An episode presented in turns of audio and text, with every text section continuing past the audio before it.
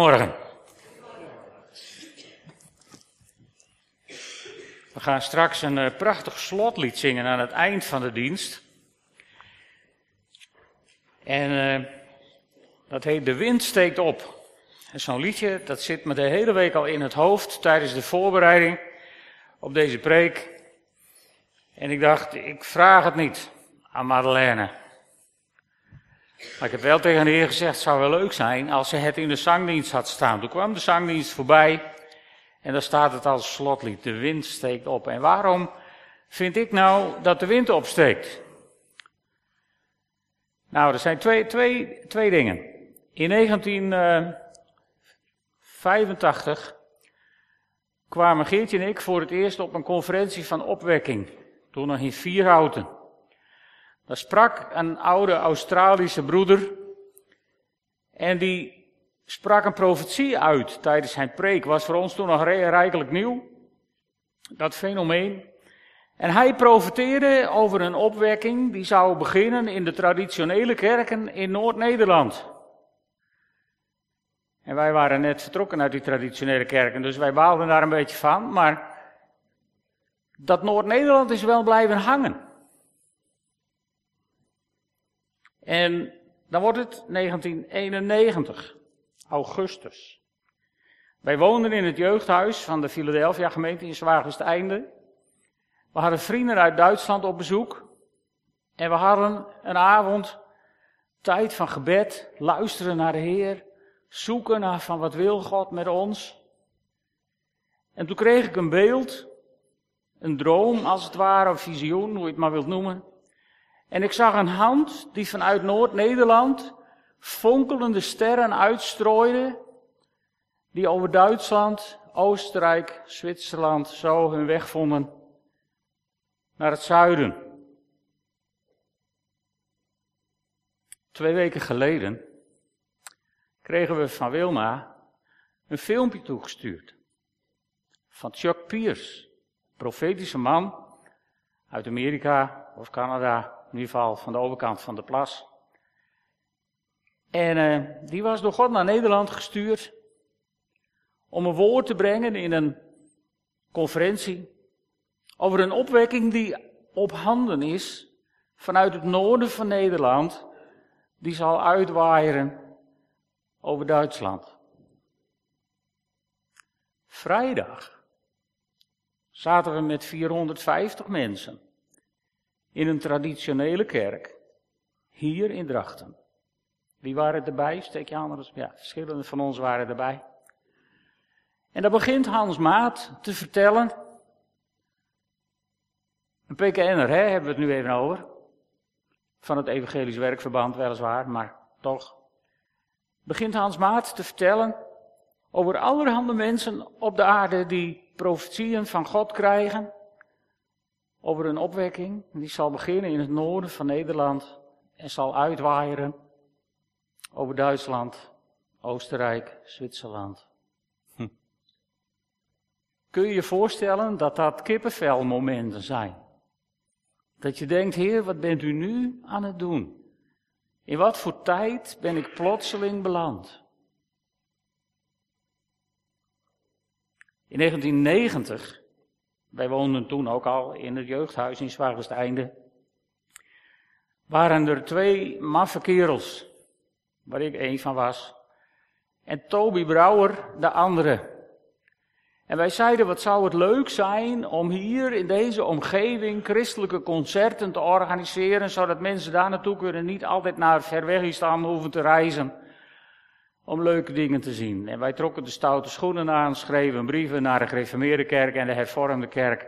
En er ontstond een concertcommissie. En het eerste concert wat we organiseerden was op 12 januari 1991 in Zwaagwesteinde in de evenementenhal. Met Peter Vlug junior en de Power Praise Band. Misschien dat sommigen van ons daar ooit van gehoord hebben. Gisteravond hadden we een royal meeting in einde. En daar kwam Theo de Jong uit Kolmerswaag een getuigenis geven. En die zei toen ik een jaar of 19, 20 was, ik had niet zoveel meer met het geloof, ik was er wel een beetje klaar mee. En toen kwam ik op een concert van Peter Vlug en de Power Praise Band.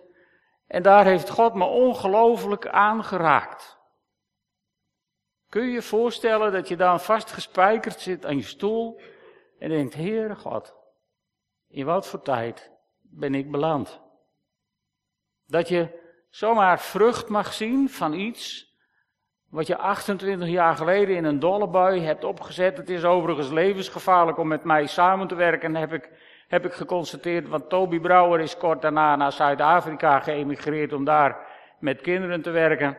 En Theo de Jong is iets later naar Zuid-Afrika geëmigreerd om daar met tieners te werken. Dus weet waar je aan begint. Dat is maar even een waarschuwing. Zomaar even om aan te geven in welke tijd we terecht zijn gekomen.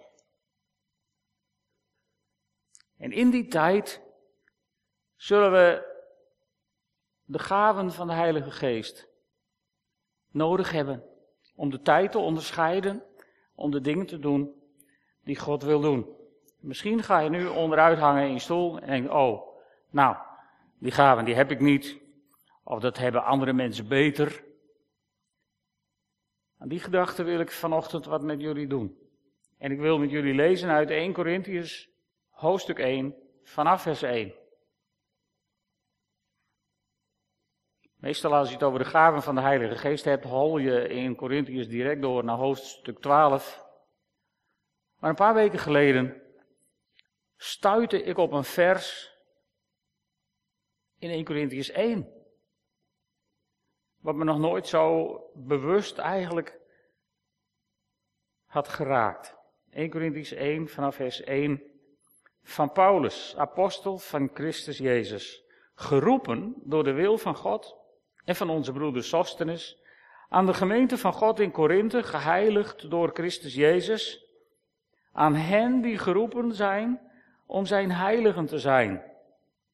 En let op, en aan allen die de naam van onze Heer Jezus Christus aanroepen, waar dan ook, bij hen en bij ons. Dus uh, lieve luisteraars thuis, als u voor de radio zit, het gaat over u. En lieve mensen hier in de zaal, in open thuis, het gaat over u. En mensen die de preek later ooit via internet nog eens beluisteren, het gaat ook over jou. Want het gaat over allen die de naam van de Heer Jezus Christus aanroepen. Wauw. Dus een boodschap voor ons, zomaar. En hoe begint die boodschap? Die begint met genade en vrede zij u van God onze Vader en van de Heer Jezus Christus. En dan zegt Paulus, ik dank mijn God altijd voor u, omdat hij u in Christus Jezus zijn genade geschonken heeft. Ah, mooi cadeautje zo aan het begin van de zondag om mee te nemen naar huis. En dan zegt Paulus verder, door hem, door Jezus dus, bent u in elk opzicht rijk geworden. Alles wat u zegt en al uw kennis bewijst dat het getuigenis over Christus bij u verankerd is. En hierdoor ontbreekt het u, terwijl u op de komst van onze Heer Jezus Christus wacht, aan geen enkele gave van de geest. Misschien moet je die zin nu even vasthouden, want dit is de kern van deze ochtend. Het ontbreekt u aan geen enkele gave van de geest. Die moet je even heel goed in je oren knopen. Dit is niet omdat ik het bedacht heb, dit staat in het woord van God. Het ontbreekt u aan geen enkele gave van de geest. Dus als je ooit weer denkt, oh dat heb ik niet, dan luister je naar een leugenaar die op je schouder zit om je dat in te fluisteren. Want de Bijbel zegt, het ontbreekt u aan geen enkele gave van de geest. Ik hoop dat dat je moed geeft en niet bang maakt. Want het is ook voor jou. Want het is toch aan allen die de naam van onze Heer Jezus Christus aanroepen, waar dan ook. Hebben we gelezen. En het is niet omdat je het hebt verdiend, het is genade. Dat hebben we ook gezien. De Corinthiërs hadden het ook niet verdiend. Als je, naar de brief aan de, als je de brief in de Corinthiërs goed bestudeert, goed leest, dan, dan kom je tot één conclusie, het was een zootje. Er was van alles mis in die gemeente. En toch zegt God ook tegen die gemeente, het ontbreekt jullie aan geen enkele gave van de Heilige Geest. Sterker nog, in hoofdstuk 3, vers 16, daar zegt Paulus tegen die gemeente, weet u niet dat u een tempel van God bent en dat de Geest van God in uw midden woont? En dat was niet omdat zij als gezelschap zo goed waren. De geest van God is ook vanochtend hier in ons midden. En het is niet omdat wij zo goed zijn of zo perfect. Het is omdat God zo goed is. Want weet je, God vertrekt niet als er in onze ogen misschien van alles mis is in onze kerk of in onze gemeente. Ook voor de luisteraars thuis. Misschien zit u wel gefrustreerd thuis omdat u vindt dat er van alles mis is in uw kerk. Laat ik u één ding zeggen. God vertrekt niet uit de kerk omdat er van alles mis is in de kerk. Sterker nog, God vertrekt zelfs niet uit de kerk als zijn naam daar niet meer wordt aangeroepen en als de mensen in die kerk Jezus Christus niet meer verwachten. Ik geloof dat in heel veel kerken God stijfkoppig in een hoekje zit met de armen over elkaar van dit is mijn tempel en het is een knappe jongen die mij eruit krijgt. Ik heb vaak, ik weet niet hoe het jullie is, maar als je op reis bent en, en, en je bezoekt ergens een prachtige oude kerk, soms is het tot museum omgebouwd of whatever. En, en, en er zijn misschien mensen die denken, nou het is hier hartstikke dood. Ik heb het gevoel als ik in dat soort godshuizen rondwandel, vroeger dacht ik van de muren hebben hier de aanbidding ingeademd en dat straalt nog uit. Van de week ben ik tot de conclusie gekomen dat dat niet aan die muren ligt. Maar dat komt omdat God ergens in zo'n kerk stijfkoppig in een hoekje zit en zegt: Het is mijn tempel en het is een knappe jongen die mij er hier uitkrijgt. Dus oordeel niet hard over een kerk. God vertrekt niet. Ik wil het zelfs heel persoonlijk maken, want er is ook van alles mis met mij. En misschien ook wel met u, maar daar ga ik niet over. En toch zegt Paulus in 1 Korinthe 6, vers 19 tegen het individu, weet je niet dat uw lichaam een tempel is van de Heilige Geest die in u woont? En ook in het individuele geval zou ik willen zeggen, dat is niet omdat ik zo goed ben of omdat jij zo goed bent, maar omdat God zo goed is. En ik geloof dat God niet vertrekt omdat Hij vindt dat er in mijn leven of in jouw leven van alles anders zou moeten.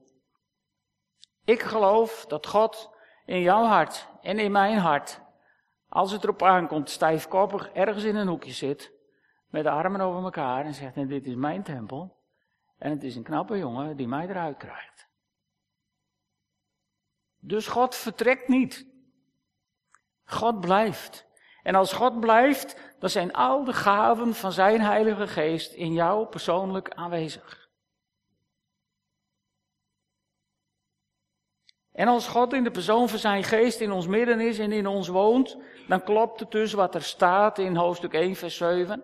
Het ontbreekt je aan geen enkele gave van de Heilige Geest. En het Grieks gebruikt hier een woord wat achterop raken betekent. Weet je, soms kun je naar mannen God zien of naar vrouwen God en het gevoel krijgen van nou ja, wat hij of zij heeft, dat heb ik niet. Dat is dus niet waar, want we hebben net gelezen dat het ook jou aan geen enkele gave van de Heilige Geest ontbreekt. Maar goed, wij hebben natuurlijk als, als protestanten geleerd van nou doe maar gewoon, dan doe je al gek genoeg. Hè? Je moet je niet, uh, niet hoger verkopen dan je bent. En nou, zo hebben we excuses genoeg om onszelf naar beneden te halen. En ik wil je vandaag zeggen, stop met jezelf naar beneden te halen. Want dat maakt het leven zwaar. Wij uh, kijken even naar een filmpje over een zwaan die probeert op te stijgen uit het water. En dat vindt hij een heel zwaar leven. Dat blijkt ook uit het filmpje. Ja, zo kan het gaan.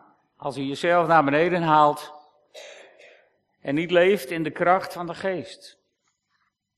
Weet je, het is belangrijk om om je te realiseren dat dat ook voor jou is. Die kracht van de geest, die kracht woont in jou. Toen de geest in jou kwam wonen, had hij zijn hele koffer met inhoud bij zich.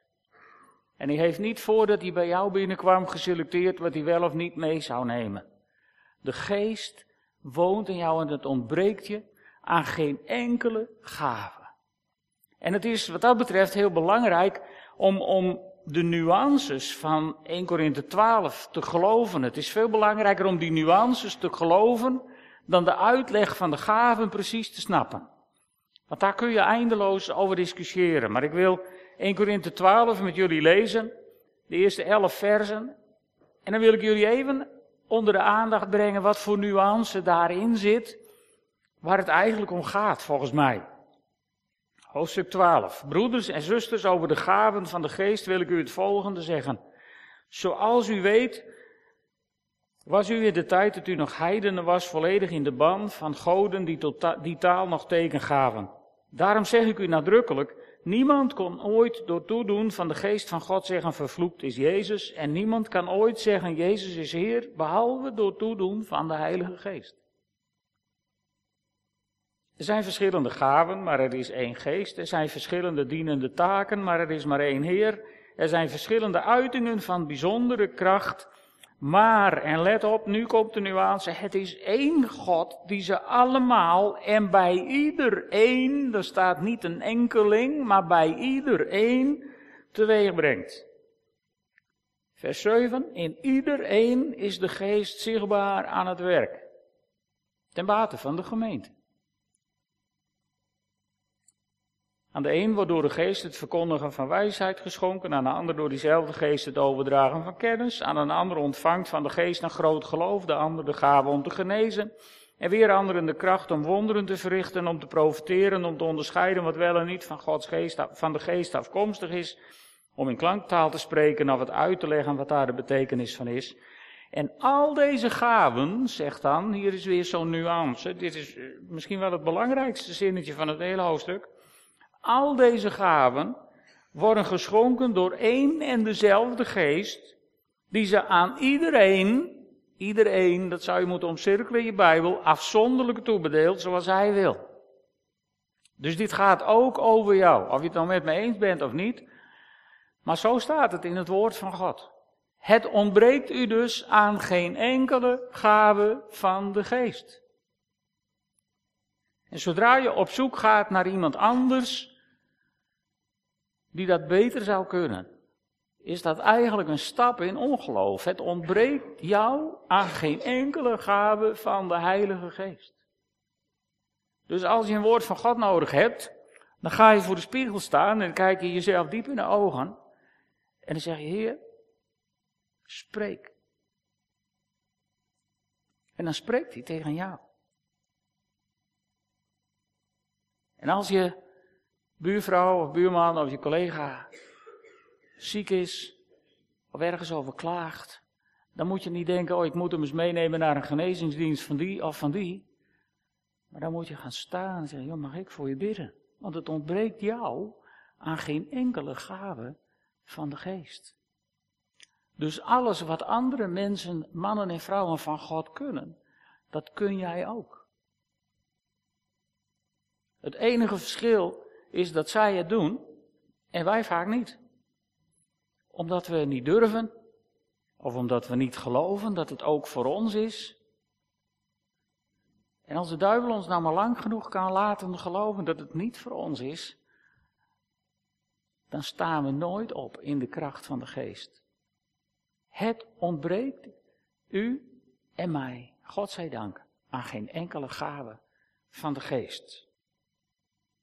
En we zouden het normaal moeten vinden als God tegen ons spreekt en wonderen in ons midden doet en zich manifesteert.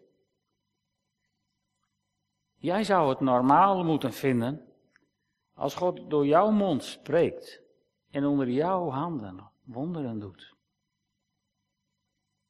En ik heb me afgevraagd waarom zijn we zo verbaasd over een beweging van Gods geest en zijn we niet verbaasd over de ijzige stilte van tegenwoordig. Hoe kan dat nou? Want we zouden het gewoon moeten vinden. Op een dag is Jezus met zijn gezelschap discipelen onderweg. Dat verhaal vind je in Marcus 11. Vanaf vers 12. Daar staat toen ze de volgende dag uit Betanië vertrokken. Hè, ze logeren waarschijnlijk bij Lazarus en Martha en Maria. In Betanië, vlak bij Jeruzalem. En Jezus is met zijn gezelschap op weg naar Jeruzalem. En dan staat er dat Jezus honger kreeg. Hij zag in de verte een vijgenboom die in blad stond en ging erheen in de hoop iets eetbaars te vinden. Maar toen hij bij de boom gekomen was, vond hij geen vruchten. Het was namelijk niet de tijd voor vijgen. Het was alleen geen excuus voor die vijgenboom. Want Jezus die zegt tegen die boom, nooit of te nimmer zal nog iemand vruchten van jou eten. En dan staat er heel subtiel onder, zijn leerlingen hoorden dit. Die hebben misschien op reis naar Jeruzalem ook wel gedacht, nou belachelijk om tegen zo'n boom te praten. En die hebben misschien ook wel wat rondgemopperd onder elkaar, zo hier en daar. Maar goed, ze gaan naar Jeruzalem. Jezus doet daar zijn dingen. En uh, s'avonds gaan ze terug naar Betanië. En de volgende ochtend komen ze weer langs de vijgenboom. En dan zien ze dat de vijgenboom tot aan de wortels verdord is. En dan staat er in vers 21, Petrus herinnerde zich het voorval van die dag ervoor. En hij zei, Rabbi, kijk, de vijgenboom die u vervloekt hebt is verdord. Alsof Petrus zegt, Heer, het werkt. En dan zie je dat Jezus niet, die zegt, nou, dat is toevallig. Dat had ik niet gedacht. Nee, Jezus die kijkt Petrus aan en zegt, Petrus, heb vertrouwen in God. Want Jezus vond dit kennelijk de normaalste zaken van de wereld. En zegt tegen Petrus, je hebt vertrouwen in God. Dat is misschien wel een van de sleutels. En dan zegt hij tegen zijn discipelen, ik verzeker jullie, als iemand tegen die berg zegt, kom van je plaats en stort je in de zee, en niet twijfelt in zijn hart, maar gelooft dat het gebeuren zal wat hij zegt, dan zal het ook gebeuren. Hebben jullie het wel eens geoefend? Ik heb het wel bij een mallebult geprobeerd, maar die bleef staan. Maar misschien zouden we dat gewoon meer moeten oefenen, hè? dat soort dingen. Want Jezus gaat nog even verder. In vers 24 zegt hij, daarom zeg ik jullie, alles waarom jullie bidden en vragen. Geloof dat je het al ontvangen hebt en je zult het krijgen. Nou wordt het in sommige kringen van toepassing verklaard op euro's of dollars. Nou, daar heb ik niet zoveel mee. Maar als het nou gaat over de gaven van de geest, dan geloof ik heilig dat Jezus zegt, alles wat je nodig hebt aan gaven van de geest en waar je om bidt, geloof nou dat je het hebt ontvangen. Want in 1 Korinthe 1 vers 7 staat, het ontbreekt je aan geen enkele gave van de geest. Wauw, wat een bijzondere mensen zijn wij dan. Als dat zo is, dan zou Drachten morgen moeten veranderen als wij uh, na onze zondagsmiddagsrust allemaal weer uitzwermen de wereld in. Dan kan eigenlijk je omgeving niet blijven wat die nu is. Maar je moet goed luisteren. Ga even een oefeningetje met jullie doen. Doe eens zo. Voor de luisteraars even je handen tegen de zijkant van je hoofd. Oké, klaar. Die dingen die je nu vast hebt, dat zijn je oren. En over oren heeft de Bijbel iets heel indringends tegen ons te zeggen. Aan het eind van zijn geschreven woord zegt God zeven keer tegen ons, wie oren heeft, moet luisteren. Dat is eigenlijk wat is vertaald hier met horen, maar eigenlijk staat er wie oren heeft, moet luisteren naar wat de geest tegen de gemeente wil zeggen. En volgens mij hebben jullie vanmorgen uitgevonden dat je allemaal oren hebt. Dus dit gaat over jou. Je moet luisteren naar wat de geest tegen de gemeente wil zeggen. En ook in zo'n Bijbelverhaal wat ik net vertelde, is het cruciaal dat we horen wat de geest tegen de gemeente zegt. En ik weet ook wel dat niet iedereen waarvoor wij bidden geneest.